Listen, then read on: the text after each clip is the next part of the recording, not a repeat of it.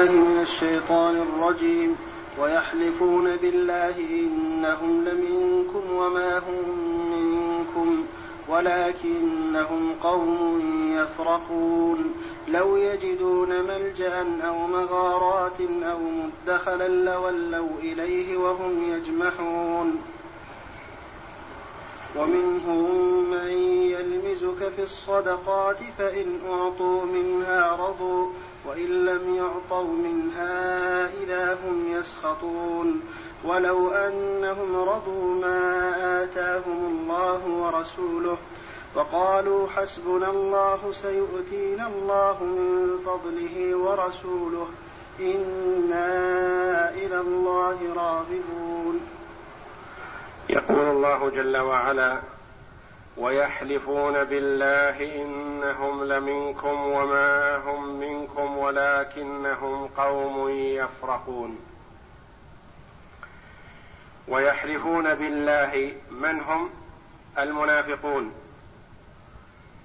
وقد تقدم من الآيات في الحديث عن شيء من صفاتهم ومخازيهم التي اتصفوا بها وأضمروها وأخفوها وأظهرها الله جل وعلا لرسوله صلى الله عليه وسلم وعباده المؤمنين ليحذروهم.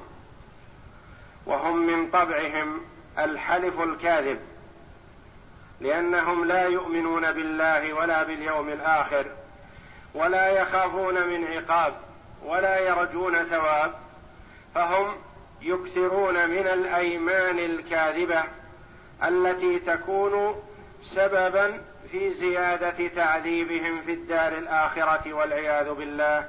كما ذكر الله جل وعلا ذلك عنهم في قوله تعالى فيما تقدم من الآيات لو كان عرضا قريبا وسفرا قاصدا لاتبعوك ولكن لاتبعوك ولكن بعدت عليهم الشقة وسيحلفون بالله لو استطعنا لخرجنا معكم يهلكون أنفسهم.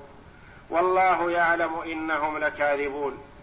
وقال ها هنا ويحلفون بالله إنهم لمنكم وما هم منكم. وسيأتي قريبا قوله جل وعلا يحلفون بالله ما قالوا ولقد قالوا كلمة الكفر وكفروا بعد إسلامهم. وهموا بما لم ينالوا. وقال جل وعلا إذا جاءك المنافقون قالوا نشهد إنك لرسول الله والله يعلم إنك لرسوله والله يشهد إن المنافقين لكاذبون. فمن صفة المنافقين الإكثار من الحلف الكاذبة لأنهم يعرفون حقيقة أمرهم ويعرفون أنهم ليسوا مسلمين ولا مؤمنين ولا متبعين للنبي صلى الله عليه وسلم ويخشون أن يطلع الرسول صلى الله عليه وسلم والمؤمنون على ما يبيتونه فكانوا يموهون عليهم بالأيمان الكاذبة بأنهم صادقون. وأنهم مؤمنون وأنهم مع الرسول والمؤمنين وأنهم وأنهم وهم كاذبون في ذلك. يقول الله جل وعلا ها هنا ويحلفون بالله إنهم لمنكم. يحلفون بالله إنهم لمنكم. يعني معكم وعلى دينكم وأنهم مؤمنون. وأنهم متبعون لك يا محمد وغير ذلك. وأتى الله جل وعلا حكاية عنهم باليمين مع التأكيد بإن المؤكدة واللام الداخلة على الخبر في قوله ويحلفون بالله إنهم إن اولا اليمين بالله جل وعلا ثم إن المؤكدة ثم اللام لمنكم. يقول الله جل وعلا وما هم منكم. هم كذبة في هذا. فليسوا بمؤمنين بل ولا مسلمين ولا متبعين لك يا محمد ولا مصدقون بل هم كذبة. وما هم منكم ولكنهم ما الذي حملهم على هذه الأيمان؟ الخوف والوجل في قلوبهم ولكنهم قوم يفرقون يفرقون بمعنى يخافون. يخافون أن يطلع على ما في قلوبهم فيأتيهم العذاب فيعذبوا بأيدي المؤمنين. هم جبناء عندهم خوف فلذا يأتون بهذه الأيمان الكاذبة تسترا وإخفاء لحالهم.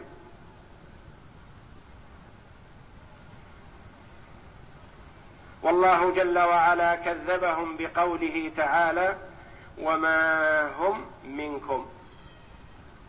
وما الذي حملهم على هذه الأيمان الكاذبة التي هي زيادة في تعذيبهم؟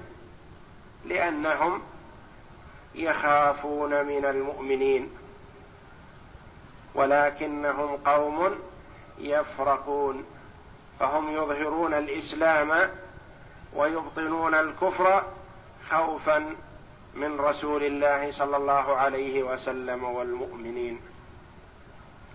يقول الله جل وعلا وإقامتهم بينكم ومعكم وجلوسهم معكم ضرورة مضطرين لذلك لأنهم لا يجدون مكانا يؤويهم أو يحصنهم. فهم ما جلسوا معكم حبا فيكم ولا متابعة لك ولا رغبة في البقاء بين أظهركم ولكنهم لا يجدون مأوى يؤويهم.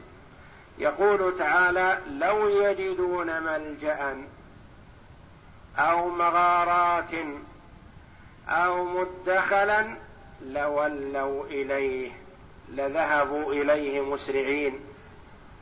وهم يجمحون مسرعين لذهبوا إليه مسرعين. لو يجدون ملجأ الملجأ الحصن الذي يتحصن به المرء. أو مغارات المغارات جمع مغارة وهي المكان في الجبل يختفي فيه المرء عن الأعين.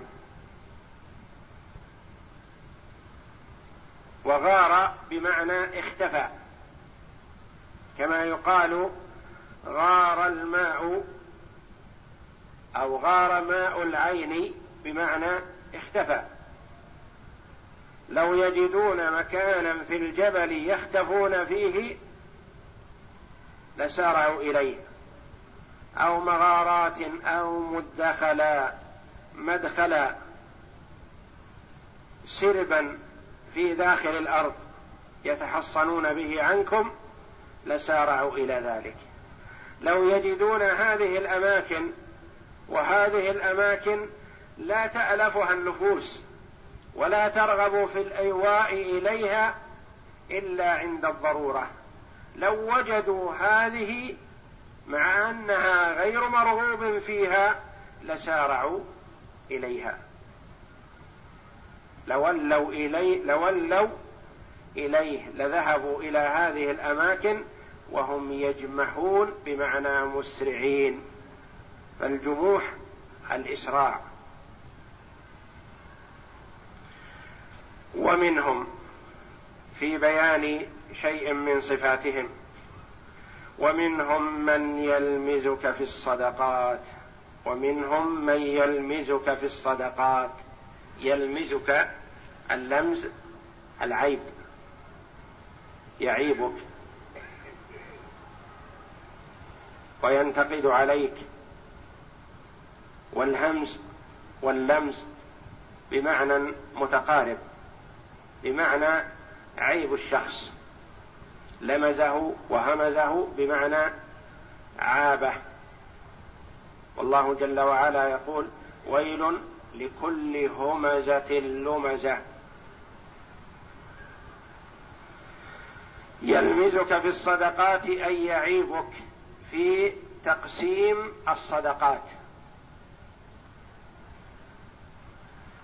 في تقسيم الصدقات. وهذه نزلت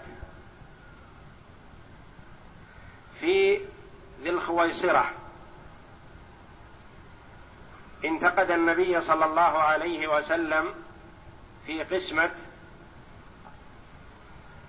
ما بين يديه يقسمه صلى الله عليه وسلم فقال اعدل يا محمد فإنك لم تعدل.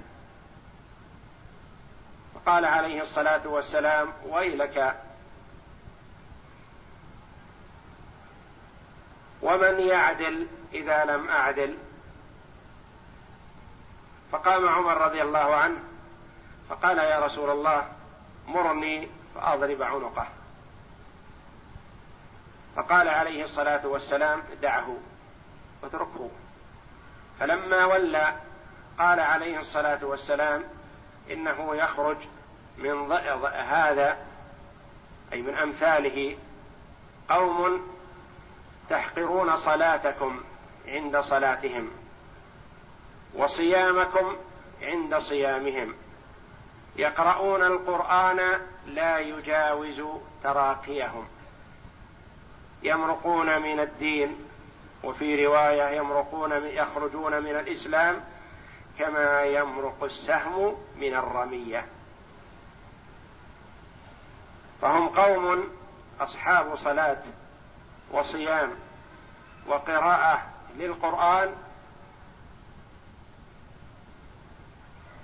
يمرقون يخرجون من الدين كما يمرق السهم من الرمية. يعني ليس عندهم شيء من الدين. فهم يتعبدون لكن فقدوا الأصل. عبادتهم مردودة عليهم. لما اتصفوا به من الصفات الذميمة وهذه صفة الخوارج الذين يخرجون على الأئمة وعلى الخلفاء ويكفرون المسلمين بالذنوب. وقد حذر صلى الله عليه وسلم منهم وأمرنا بقتالهم مهما تكرر خروجهم. فإن خرجوا فاقتلوهم. فإن خرجوا فاقتلوهم. فإن خرجوا فاقتلوهم. رغبنا صلى الله عليه وسلم في قتال هؤلاء. لأنهم يخرجون على الأئمة ويحاولون تفريق كلمة المسلمين ويكفرون المسلمين بالذنوب ويستحلون دماءهم وأموالهم.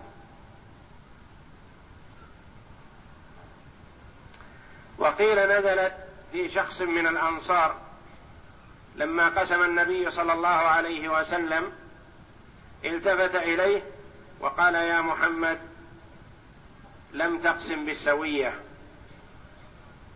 وقيل نزلت في إعرابي حديث عهد بالبادية.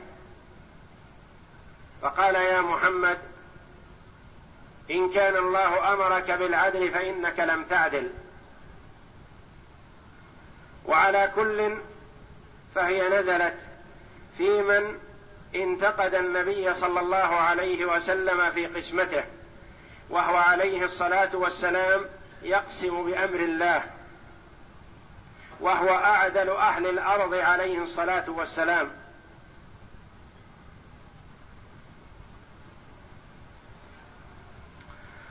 يقول تعالى ومنهم أي من المنافقين من يلمزك في الصدقات يعني يعيبك فيها يعيبك في توزيعها.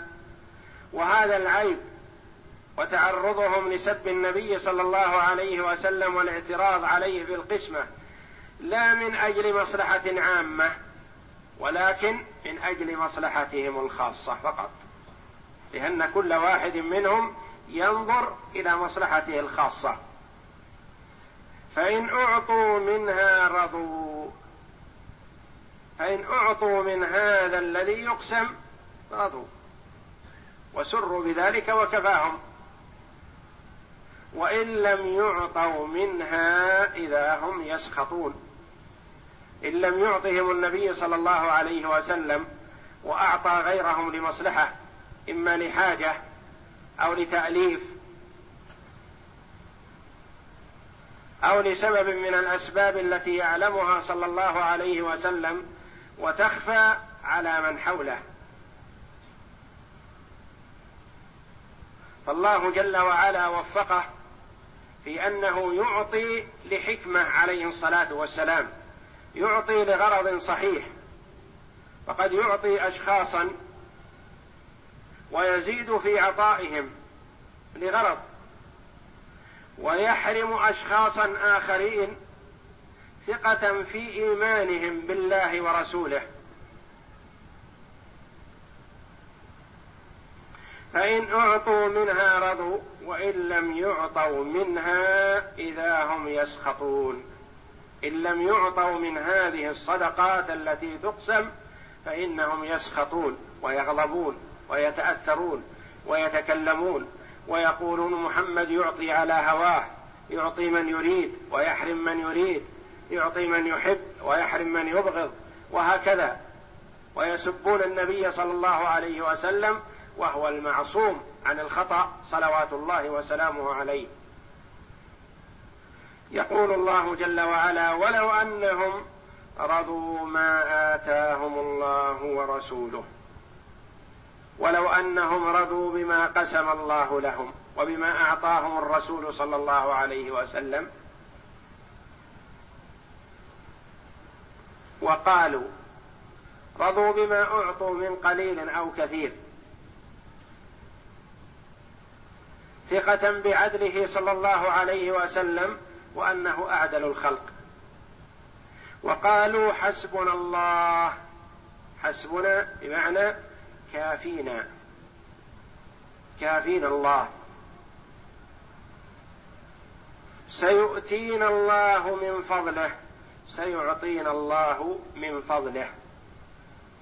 سيتفضل علينا ويعطينا في هذه الحال أو فيما بعدها.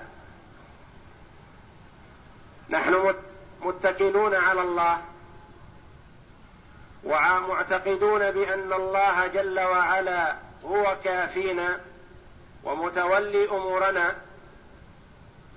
فإن كان قد قسم لنا في هذه شيء أتانا. وإن لم يقسم لنا الله في هذه شيء فسيقسم لنا في المستقبل. لن يضيعنا. وقالوا حسبنا الله سيؤتينا الله من فضله ورسوله. الحسب. الله جل وعلا وحده. حسبنا الله. والايتاء سيكون من الله جل وعلا على يد الرسول صلى الله عليه وسلم. سيؤتينا الله من فضله ورسوله. إنا إلى الله راغبون. مؤمنون بالله. متكلون عليه. مقبلون على ربنا. واثقون بعطائه جل وعلا. وأن ما قسمه لنا يكفينا فالمؤمن يؤمن بما قسم الله له وأن ما قسم الله له سيأتيه وأن فيه الكفاية وأن الله لن يضيعه. فإن أعطاه رضي بالعطاء وإن منعه جل وعلا فهو يقول الحمد لله ما منع مني ذلك إلا لما فيهم من المضرة علي. فهو يعتقد أن ما يقدره الله جل وعلا في حقه خير. إن كان عطاء حمد الله وشكره. وإن كان منع صبر واحتسب ورضي بما قسم الله له. وأما المنافق الذي لا يؤمن بالله ولا بالرسول صلى الله عليه وسلم ولا باليوم الآخر فرضاه متوقف على العطاء. إن أعطي رضي وإن لم يعطى سخط. لا يريد إلا مصلحة نفسه فقط. لا يقول غيري أحق مني. لا يقول الرسول صلى الله عليه وسلم يعطي لغرض صحيح وحكمة ومصلحة من مصالح الإيمان لأنه عليه الصلاة والسلام لا يحتجز الأموال لنفسه. ولا يبقي منها شيئا له عليه الصلاة والسلام. بل ما يأتي يقسمه على ما أراه الله جل وعلا. فقد يعطي المهاجرين والأنصار وقد يعطي المؤلفة قلوبهم. حديث العهد بالإيمان يعطيهم ليتقوى إيمانهم يعطي لغرض صحيح. صلى الله عليه وسلم. وأين جواب لو في قوله جل وعلا ولو أنهم رضوا ما آتاهم الله ورسوله وقالوا حسبنا الله ورسوله سي... حسبنا الله سيؤتينا الله من فضله ورسوله إنا إلى الله راغبون. أين جواب لو؟ محذوف. دل عليه السياق. لكان خيرا لهم. ولو أنهم رضوا ما آتاهم الله ورسوله وقالوا حسبنا الله سيؤتينا الله من فضله ورسوله أنا إلى الله راغبون. لو قالوا هذا لكان خيرا لهم في الدنيا والآخرة. الله جل وعلا سيعطيهم ما قسمه لهم وسيسوقه لهم على يد الرسول صلى الله عليه وسلم. ولن يحرمهم حقهم. وكذا الرسول صلى الله عليه وسلم فهو أعدل الخلق على الإطلاق. فلو أنهم رضوا بقسمة الله فإن كان عطاء حمدوا الله وشكروه وإن كان منع رضوا بقضاء الله وقدره.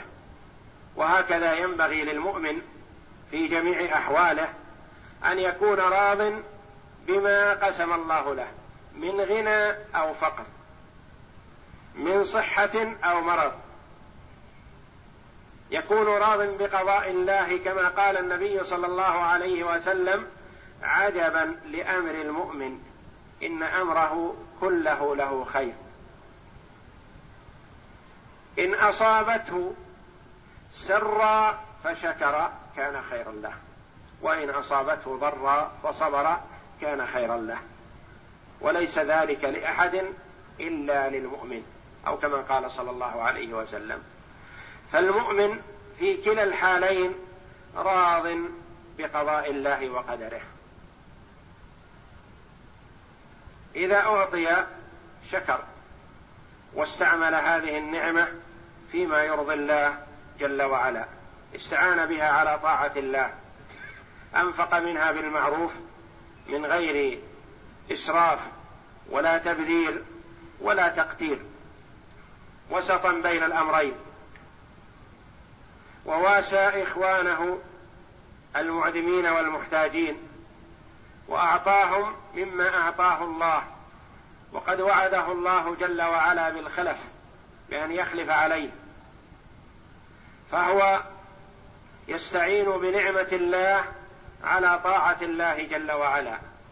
ما ينفقه على عياله يؤجر عليه وما يبذله صدقة لله على إخوانه المسلمين المحتاجين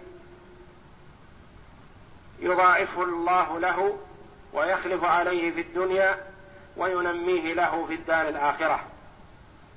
وأما الكافر والمنافق الذي لا إيمان عنده والعياذ بالله فهو إن أعطاه الله جل وعلا العطاء استدراجا استعان به على سخط الله وعلى ما يسخط ربه جل وعلا.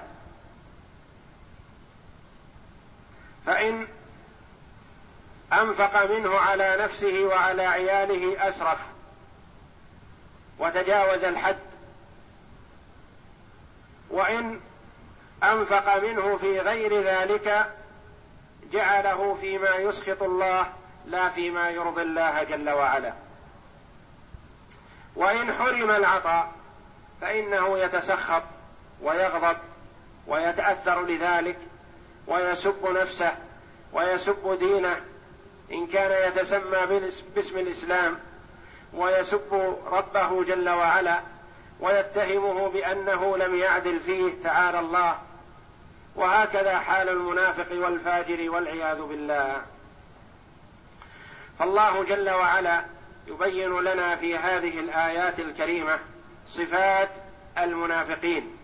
لنحذرهم ولنبتعد عن هذه الصفات التي ذمها الله جل وعلا ونحرص على صفات المؤمنين التي بينها الله جل وعلا لنا في كتابه العزيز. بسم الله أعوذ بالله من الشيطان الرجيم. ويحلفون بالله إنهم لمنكم وما هم منكم ولكنهم قوم يفرقون.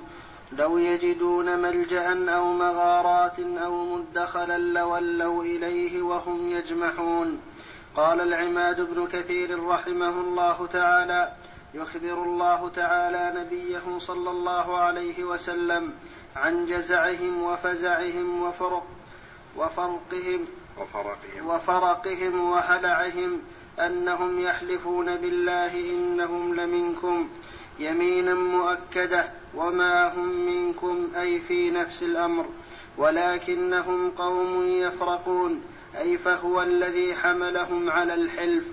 على الحلف. أي أي فهو الذي حملهم على الحلف. لو يجدون ملجأ أي حصنا يتحصنون به وحرزا يتحرزون به أو مغارات وهي التي في الجبال أو مدخلا وهو السرب في الأرض والنفق. قال ذلك في الثلاثة ابن عباس ومجاهد وقتادة. لولوا إليه وهم يجمحون. أي يسرعون في ذهابهم عنكم لأنهم إنما يخالطونكم كرها لا محبة و لا محبة وودا أنهم لا يخالطونكم. وودوا وودوا أنهم. لا محبة وودوا لو وودوا أنهم لا يخالطونكم. أي يسرعون في ذهابهم عنكم لأنهم إنما يخالطونكم كرها لا محبة وودوا أنهم لا يخالطونكم. ولكن للضرورة أحكام ولهذا لا يزالون في هم وحزن وحزن وغم لأن الإسلام وأهله لا يزالون في عز ونصر ورفعة فلهذا كلما سر المسلمون ساءهم ذلك فهم يودون ألا يخالطوا المؤمنين. ولهذا قال لو يجدون ملجأ أو مغارات أو مدخلا لولوا إليه وهم يجمحون. ومنهم من يلمزك في الصدقات فإن أعطوا منها رضوا وإن لم يعطوا منها إذا هم يسخطون. ولو أنهم رضوا ما آتاهم الله ورسوله وقالوا حسبنا الله سيؤتينا الله من فضله ورسوله إنا إلى الله راغبون. يقول تعالى ومنهم أي ومن المنافقين من يلمزك أي يعيب عليك في قسم الصدقات إذا فرقتها ويتهمك في ذلك وهم المت وهم المتهمون الم المأبنون المأبونون وهم المتهمون المأبونون وهم مع, مع هذا لا ينكرون للدين وإنما ينكرون لحظ أنفسهم ولهذا إن أعطوا من الزكاة رضوا وإن لم يعطوا منها إذا هم يسخطون أي يغضبون لأنفسهم. قال ابن جريج قال ابن جريج أخبرني داود بن أبي عاصم قال أتى النبي صلى الله عليه وسلم أتي النبي. قال أتي النبي صلى الله عليه وسلم بصدقة فقسمها ها هنا وها هنا حتى ذهبت. قال ووراءه رجل من الأنصار فقال ما هذا بالعدل؟ فنزلت هذه الآية وقال قتادة في قوله ومنهم من يلمزك في الصدقات. يقول ومنهم من يطعن عليك في الصدقات. وذكر لنا أن رجلا من أهل البادية حديث عهد بأعرابية أتى, أتى النبي صلى الله عليه وسلم وهو يقسم ذهب وهو يقسم ذهبا وفضة فقال يا محمد والله لئن كان الله أمرك أن تعدل ما عدلت. فقال نبي الله صلى الله عليه وسلم ويلك فمن ذا الذي يعدل عليك بعدي؟ ثم قال نبي الله احذروا هذا وأشباهه فإن في أمتي أشباه هذا أشباه هذا يقرؤون القرآن لا يجاوز تراقيهم. لا يجاوز تراقيهم فإذا خرجوا فاقتلوهم ثم إذا خرجوا فاقتلوهم ثم إذا خرجوا فاقتلوهم.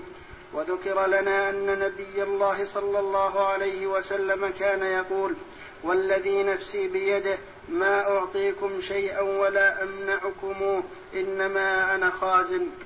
يعني لست أنا المعطي ولا المانع وإنما المعطي هو الله جل وعلا.